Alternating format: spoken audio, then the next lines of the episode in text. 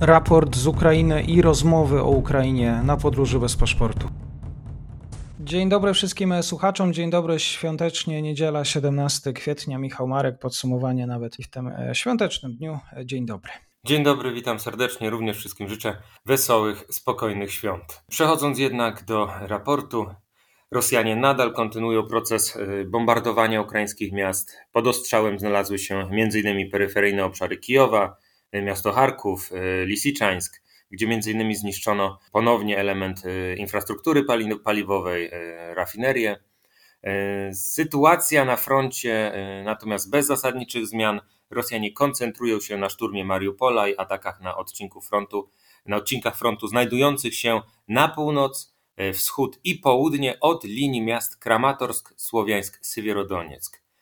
Na wschodzie Rosjanie nadal prowadzą ostrzał artyleryjski, rakietowy i lotniczy ukraińskich e, pozycji. Koncentrują się na zajęciu Mariupola, gdzie ukraińska obrona, opierająca się m.in. na zakładzie przemysłu Azowstal, nadal pozostaje dla Rosjan nie do przełamania. Wykorzystując infrastrukturę podziemną oraz naziemną e, zakładu, no, zasadniczo jego ruin, oraz przyległych okolic do zakładu, siły zbrojne Ukrainy stanowią przeciwnika wyjątkowo trudnego do zwalczenia. Trudno obecnie stwierdzić, do kiedy Ukraińcy będą się bronić. Wydaje się, e, iż jedynym, co może zmusić Ukraińców do poddania się obecnie, to odniesienie mm, porażki w wyniku, poddanie się w wyniku głodu, braku amunicji lub w efekcie ataku chemicznego. E, dopóki Rosjanie nie zdobędą Mariupola, trudno będzie im skoncentrować się na, na, innym kierunku, na uderzeniu na inny kierunek wyprowadzony właśnie z południowego wschodu, więc nadal dla Rosjan zajęcie Mariupola pozostaje priorytetem nie tylko ze względów właśnie powiedzmy prestiżowych, propagandowych, ale również ze względów militarnych. Co do drugiego priorytetowego kierunku, są nimi trzy odcinki frontu e, w bezpośredniej bliskości do Kramatorska, Słowiańska i Siewierodoniecka. Na północ od tych miast Rosjanie starają się z Iziumu przebić na południe, w stronę e, miasta Horliwka. Na południe od tych miast Rosjanie z kolei starają się wyprowadzić atak z Horliwki właśnie na kierunku północny w stronę Iziumu na wschód od tych miast, natomiast Rosjanie starają się prowadzić działania wokół Sywierodoniecka, między innymi atakować miejscowość Popasna. W ten sposób Rosjanie starają się zamknąć w okrążeniu znajdujące się e, ukraińskie siły, znajdujące się pomiędzy Sywierodonieckiem i Kramatorskiem. I pojawiają się tutaj e, wczoraj, przedwczoraj właśnie pojawiły się informacje o tym, że Rosjanie są bliscy do, już bliscy uzyskania sukcesu i przełamania się z Iziumu na południe i z Horliwki, która czasem określana jest w Polsce tak z rosyjska e, nazwą, no, przez nazwą Gorłówka, ale no, w języku ukraińskim jest to Horliwka. I tu właśnie od Horliwki na północ, Iziumu na południe. Tutaj Rosjanie starają się właśnie zamknąć mm, ten, ten, ten e, obszar. Ukraińscy eksperci podkreślają, że prawdą jest, iż Rosjanie koncentrują się na tym kierunku, lecz widmo okrążenia ukraińskich oddziałów jest jeszcze jednak bardzo dalekie. E, trudno te informacje, trudno te informacje zweryfikować, lecz sytuacja ma tam być e, niejako stabilna i Kijów ma rozumieć zachodzące tam procesy. To znaczy, e, Kijów rozumie, że mm, istnieje ryzyko okrążenia tych sił i koncentruje się na przeciwdziałaniu mm, takiej sytuacji. Ukraińscy eksperci podkreślają również, że Rosjanom nawet jeżeli Rosjanom udałoby się okrążyć od zachodu, w sensie na zachód od Kramatorska i Słowiańska, dane zgrupowanie, to punkt styku pomiędzy atakującymi siłami, tymi z północy i południa, znalazłby się e, wówczas pod chronicznym ostrzałem ukraińskiej artylerii. Mówiąc wprost, jeśli Rosjanom udałoby się okrążyć te oddziały, te siły, które, jeżeli udałoby się okrążyć ukraińskie siły, to te ukraińskie oddziały, to te siły, które dokonałyby tego, znalazłyby się w bardzo trudnej sytuacji. Ten pozorny sukces otworzyłby ponadto Ukraińcom możliwość do przeprowadzenia kontrataku i okrążenia rosyjskich sił, które zamknęłyby okrążenie. Sytuacja Rosjan na tym odcinku nie jest więc wcale taka dobra, jak może się wydawać.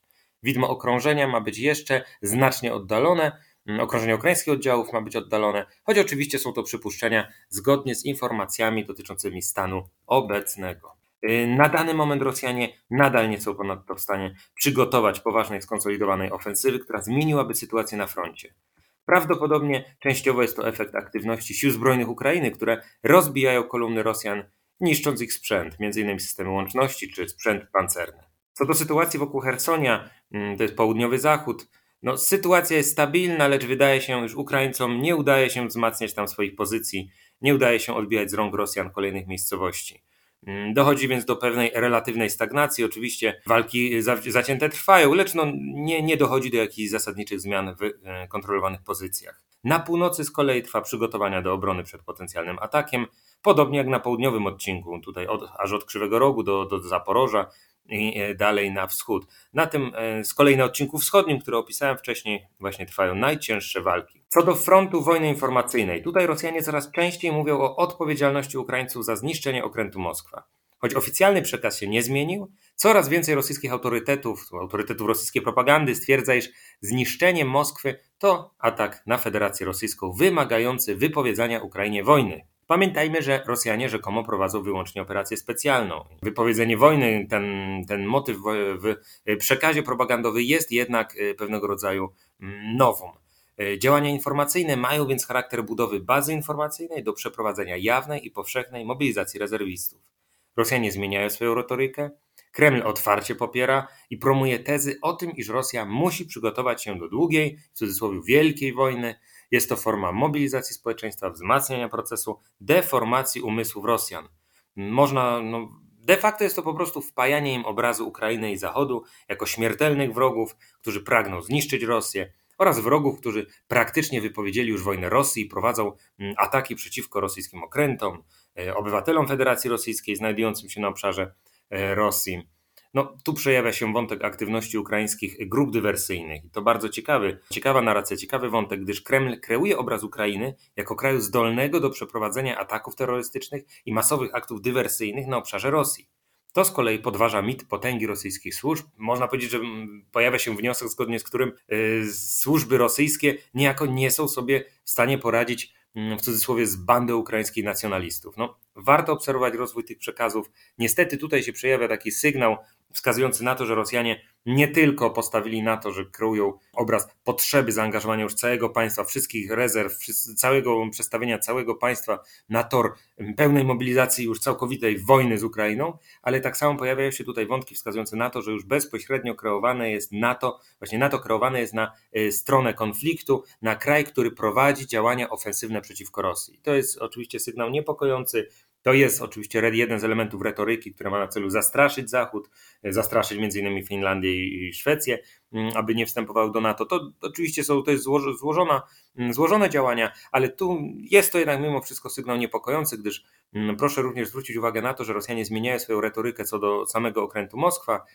Możemy przypuszczać, że Rosjanie zmienią retorykę na tyle, na przykład wówczas, kiedy będą w sieci pojawiać się kolejne informacje już wskazujące bezpośrednio na ilość osób, ilość marynarzy, którzy zginęli na okręcie. No Rosjanie, jeżeli dojdzie do tego, że Rosjanie nie będą, Kreml nie będzie w stanie zatuszować tych przekazów mm, wskazujących na skalę y, strat, to wówczas Rosjanie zaczną przedstawiać właśnie zatopienie, zatonięcie Moskwy jako już y, rzeczywiście atak strony ukraińskiej na, y, na rosyjski okręt, przy czym mogą również ten przekaz skierować wówczas w stronę NATO, to znaczy Rosjanie mogą twierdzić, że to NATO zaatakowało ten okręt, że został on zniszczony z, przy, przy, użyciu systemów natowskich, które za, Zachód przekazał Ukrainie, lub bezpośrednio przez jednostkę wojskową NATO, która na przykład dyslokowana jest w okolicy Odessy. Także tutaj warto obserwować ten, te przekazy. Niestety Rosjanie idą w kierunku eskalowania napięć, jeszcze tu na linii e, Rosja-NATO kreują bezpośrednio NATO. Pomału są właśnie, można powiedzieć, takie pierwsze sygnały wskazujące na to, e, że Sojusz Północnoatlantycki w rosyjskiej percepcji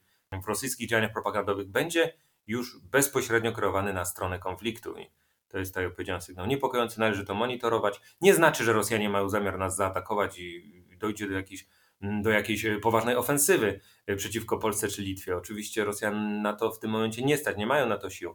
Jednakże y, musimy się przygotowywać na każdy z wariantów i musimy być gotowi do obrony. Jednakże, tak jak mówię, no to jest jednak bardzo daleka perspektywa. W tych trudnych czasach również dla Ukrainy wesołych świąt e, dla wszystkich Polaków, też dla tych, którzy słuchają właśnie nas, e, jeżeli chodzi o naszych wschodnich sąsiadów. E, wesołego Aleluja. Bardzo dziękuję za podsumowanie. Dziękuję bardzo. Wszystkiego dobrego.